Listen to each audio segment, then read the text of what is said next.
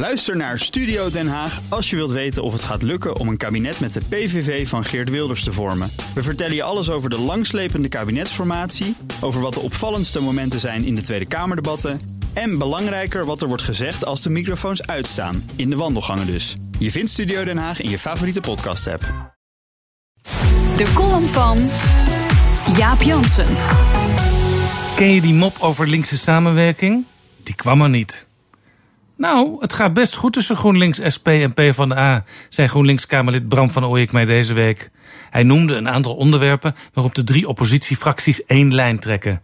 Zo was er een gezamenlijk plan tegen btw-verhoging. Van Ooyek vervangt wel eens PvdA Lilian Ploemen bij debatten over buitenlands beleid. En er is natuurlijk de strijd tegen afschaffing van de dividendbelasting.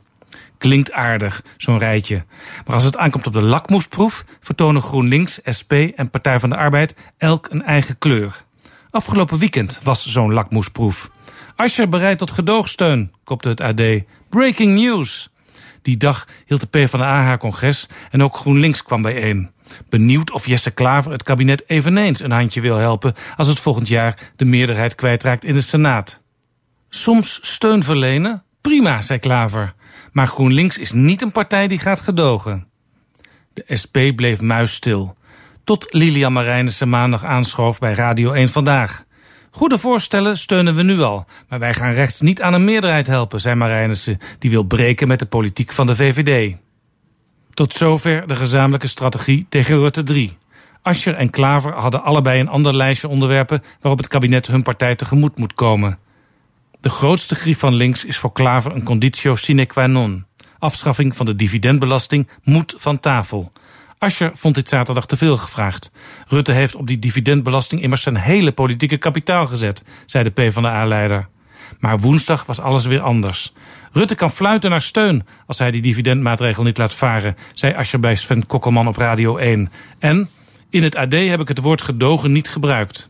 Ik pak het AD erbij en inderdaad, de krant zette het boven het artikel, Ascher zelf nam het niet in de mond. Maar die uitspraak over de dividendbelasting dan, dat had hij wel degelijk gezegd. Het PvdA-congres maakt het allemaal nog moeilijker. Het wil voor de Eerste Kamerverkiezingen een gezamenlijke linkse lijst. Ik sprak SP-leider Marijnissen en die ziet er niks in. We hebben een eigen lijst voor de Eerste Kamer en dat blijft zo. Oppositie voeren is moeilijk, maar het minste wat je kunt doen is goed nadenken voordat je naar buiten komt met je strategie.